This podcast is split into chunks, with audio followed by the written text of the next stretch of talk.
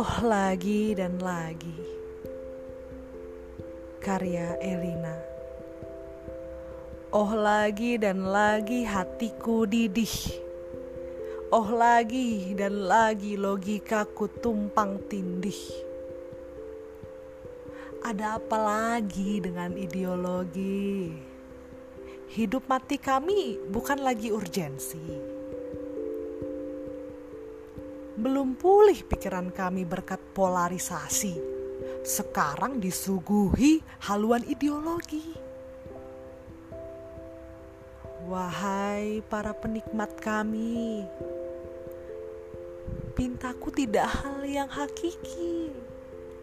Karena aku sadari kalian perlu memenuhi diri. Pintaku hanya satu ini Jangan dulu kami diakal-akali. Biarkan pada pandemi ini kami mengusahakan kelangsungan perut kecil kami. Jakarta, 19 Juni 2020.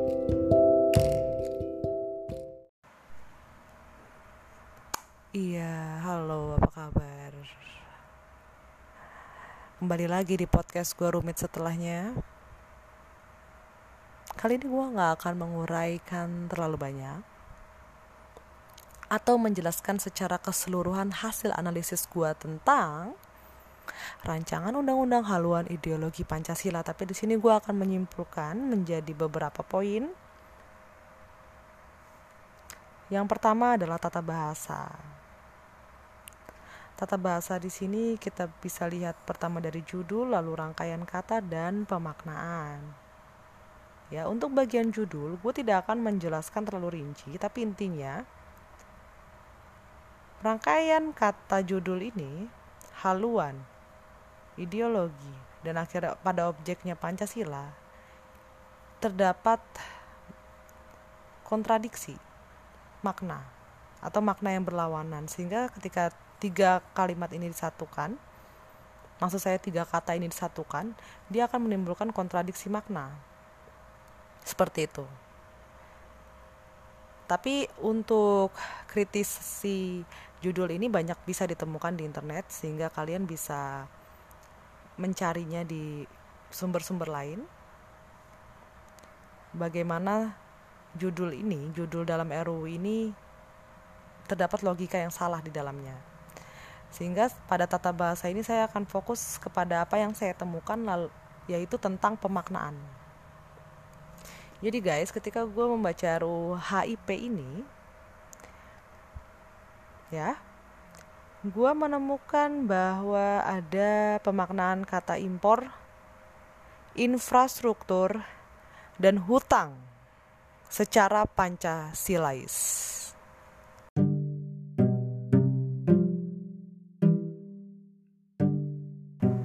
Jadi di dalam RUU HIP ini juga merumuskan bagaimana cara mengimpor yang Pancasilais, bagaimana cara membangun infrastruktur yang Pancasilais, dan bagaimana cara berhutang yang Pancasilais. Bayangkan. Jadi yang gue mau sampaikan begini, bahwa tidak boleh ada denotasi seperti itu, bahwa tidak ada eh, yang namanya pemerintah boleh mengklaim denotasi bahwa yang namanya impor infrastruktur atau hutang ini adalah termasuk salah satu tindakan yang Pancasila. Jadi tidak boleh ada denotasi atau klaim dari awal. Tidak boleh. Pancasila terlalu dikerucutkan jika seperti itu. Padahal Pancasila ini adalah sebuah pikiran besar, sebuah meta yuridis dia tidak boleh terlalu konkret seperti itu karena nanti dia akan terdegradasi secara sendirinya.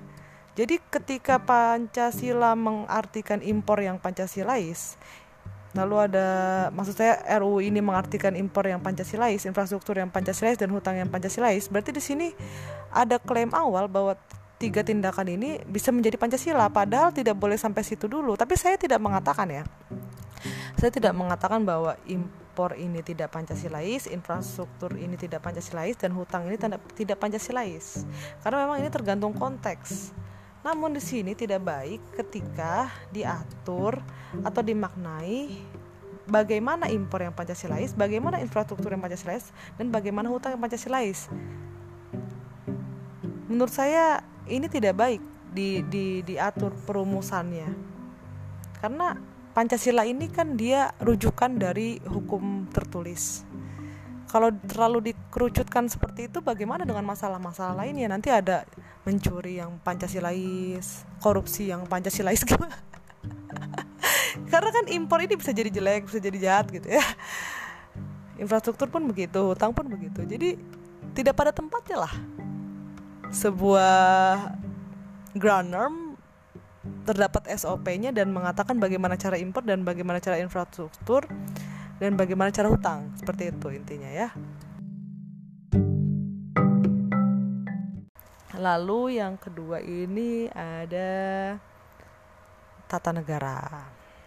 Kenapa gue juga menganalisis ini dari ketatanegaraan dari hukum ketatanegaraan karena yang gue bilang tadi guys, Pancasila itu adalah sebuah meta yuridis, sebuah ground norm, sebuah stat fundamental norm. Memang uh, ini bedanya hanya pencetusnya, pencetusnya saja ya. Jadi teori-teori tentang meta yuridis, ground norm dan stat fundamental norm ini bedanya di siapa pencetus sebenarnya. Cuman uh, eh, gue tidak akan menjelaskan atau memaparkan apa perbedaan dari pencetus-pencetusnya dan bagaimana teori-teorinya tentang dasar hukum tertinggi dan ataupun norma dasar. Cuman pada intinya adalah Pancasila ini telah diakui keberadaannya sebagai sumber hukum tertinggi, sumber dari segala hukum. Nah, ketika Pancasila ini memiliki haluan yang bernamakan undang-undang maka ketika ini disahkan nantinya hukum tertulis lainnya akan mengacu pada haluan ini. Jadi undang-undang mengacu pada undang-undang. Jadi gimana gitu?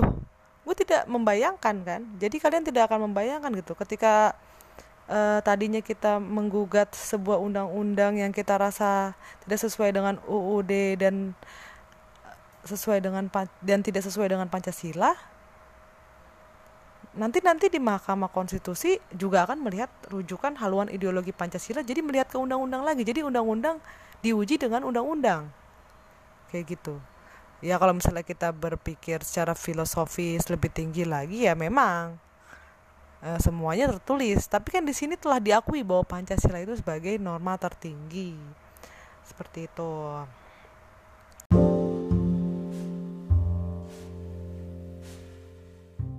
Lalu pada pendekatan filosofi, pendekatan filosofi ini uh, eh, gue akan mengomentari sedikit saja karena pada intinya Pancasila ini telah diakui juga sebagai falsafah bangsa dan negara.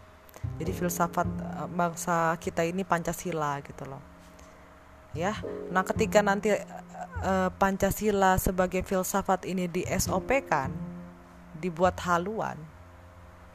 Is okay, gue bilang SOP ya. Ini pendapat gue, ini argumen gue pribadi. Ini adalah kritik gue terhadap RUU ini gitu loh. Jadi ya gue akan menyebut ini sebagai RUU SOP gitu kan ya. Cara berpancasila untuk negara dan untuk masyarakat ya SOP kan. Nah terus uh, kenapa gue bilang ini akan mendegradasi Pancasila Ya karena itu tadi, ketika sebuah filsafat bangsa dan negara filosofinya itu dia di SOP kan ya maka tidak menutup kemungkinan SOP-SOP ini juga akan diubah-ubah. Sehingga falsafah yang harusnya sakral ini yang yang tidak bisa diotak-atik ini yang katakanlah memang sudah terkristal dan sudah tertanam dalam setiap pribadi bangsa Indonesia menjadi bisa diubah-ubah sesuai keputusan DPR dan pemerintah. Kayak gitu. Intinya di situ. Kenapa gue bilang itu degradasi? Lalu pendekatan sejarah gue juga akan mengomentari sedikit RUU HIP lewat pendekatan sejarah.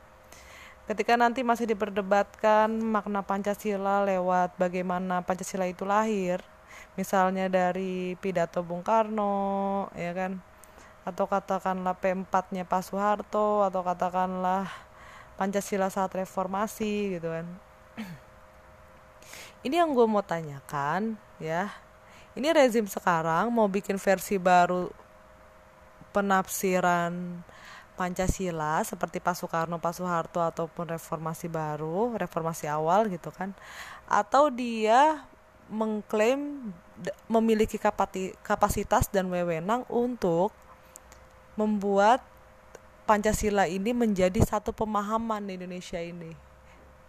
Gitu. Jadi antara dua, antara rezim ini ingin membuat versi baru penafsiran Pancasila atau rezim ini mengklaim memiliki wewenang dan kapasitas untuk membuat tafsiran tunggal atau pemahaman ya, pemahaman Indonesia terhadap Pancasila ini bisa menjadi satu lewat rezim ini.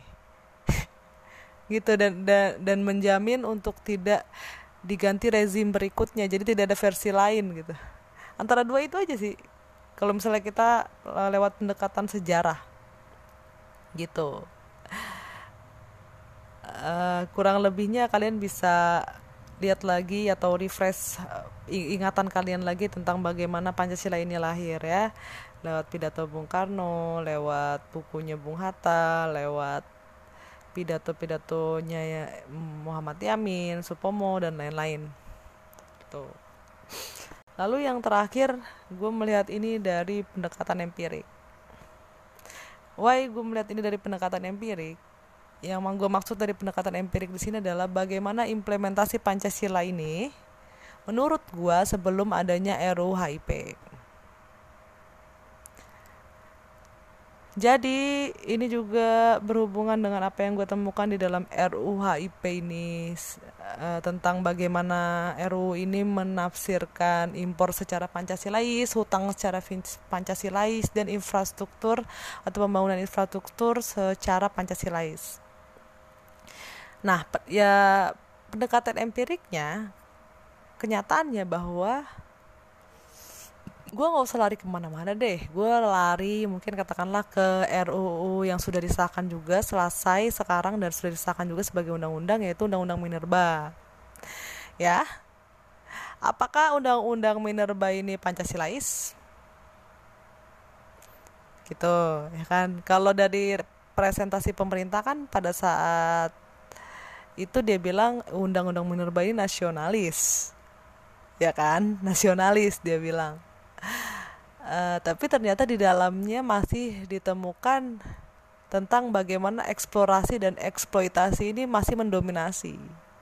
Bukan bagaimana menyelamatkan lingkungan dan bagaimana pembangunan berkelanjutan yang itu juga akan berhubungan dengan tempat tinggal rakyat kita yang banyak ini. Ya guys jadi kalau misalnya ada bencana alam dan lain-lain gimana itu sebenarnya kurang diperhatikan di sana karena yang paling mendominasi itu bagaimana menca menarik investor untuk mengeksplorasi tambang yang ada di Indonesia gitu. Kenapa gue bisa bilang begitu? Karena pertama gue baca undang-undang minerbanya dan yang kedua ada pernyataan begini deh, ya pernyataan dari pihak pemerintah itu sendiri yang mengatakan begini. Jadi tenang aja. Jadi apa yang rusak nanti dari lingkungan nanti bisa dihitung. Lalu yang rusak ini dihitung berapa jumlahnya, kita konversikan ke nilai uh, uang gitu kan. Kerusakan ini nanti bisa diganti sama uang dari pengusaha yang bikin rusak lingkungan ini. Gitu. Itu ada pernyataan dari pemerintah langsung. Ya. Uh, jadi intinya gini mereka mau bilang bahwa apa yang rusak bisa diganti dengan uang. Ini lingkungan. Ini lingkungan gitu loh tempat kita hidup tempat kita nyari makan juga tempat kita masih bisa dapetin pangan juga gitu loh. Kita nanam makanan semua di sini dan minum juga dari sini gitu kan dari tanah kita gitu kan kok bisa-bisanya bilang gitu pemerintah nanti diganti uang. Nggak bisa lingkungan diganti uang doang gitu loh. Harus ada pembangunan berkelanjutan dan harus ada tanggung jawab pengusaha yang memang kalau emang rusaknya parah ya tanggung jawab gitu loh. Dan bagaimana juga nasib warga yang di sekitarnya. Bagaimana kelangsungan hidup mereka dan bagaimana lingkungan itu sendiri gitu loh. Ini kok bisa enak banget ngomong? Nanti yang rusak dikonversikan berapa kerugian keuangannya gitu lalu diganti dengan uang nanti masuk ke kas negara. Gak bisa begitu. Bukan hanya eksplorasi dan eksploitasi dan kembali lagi ke soal Pancasila. Ini tidak Pancasilais.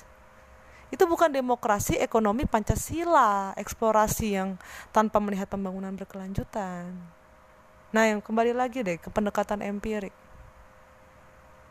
Bahwa ketika rezim ini berhak atau merasa berhak mengklaim mampu dan memiliki wewenang untuk membuat SOP bagaimana berpancasila sebagai negara ataupun sebagai masyarakat Indonesia, tapi implementasinya tidak mencerminkan itu.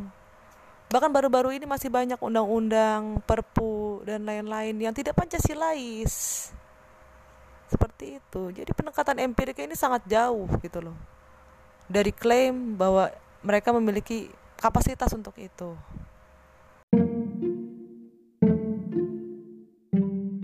Sehingga yang saya mau katakan di sini tentang RUU HIP yang paling krusial adalah karena saya melihat di sini ada suasana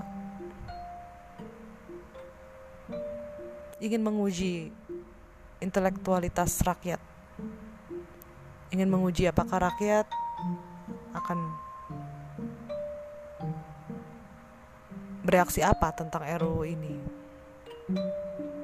Karena bisa dilihat bagaimana RUU ini di dalamnya substansinya masih memiliki logika ya yang beberapanya salah.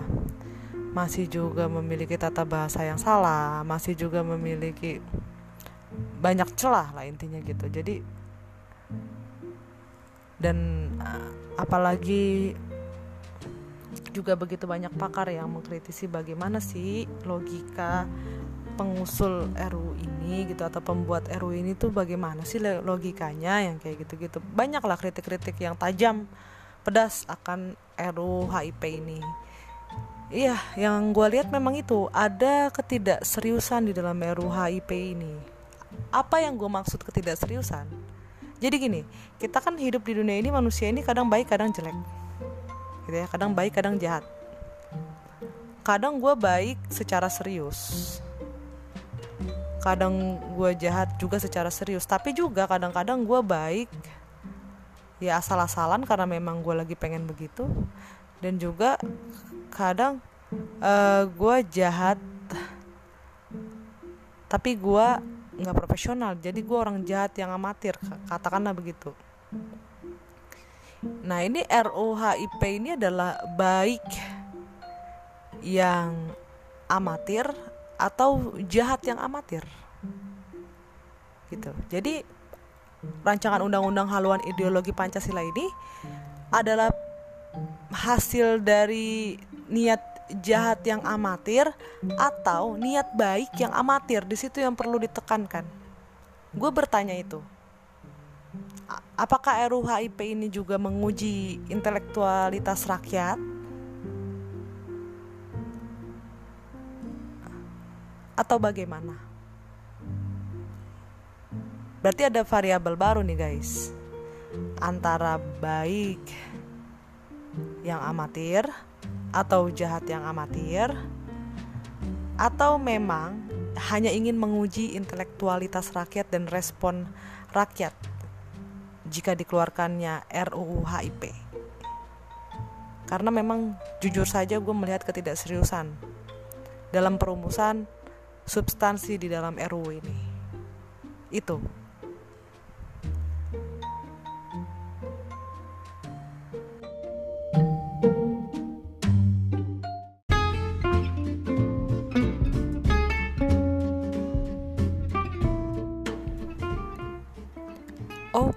Itu dia tentang analisis gua terhadap rancangan undang-undang haluan ideologi Pancasila.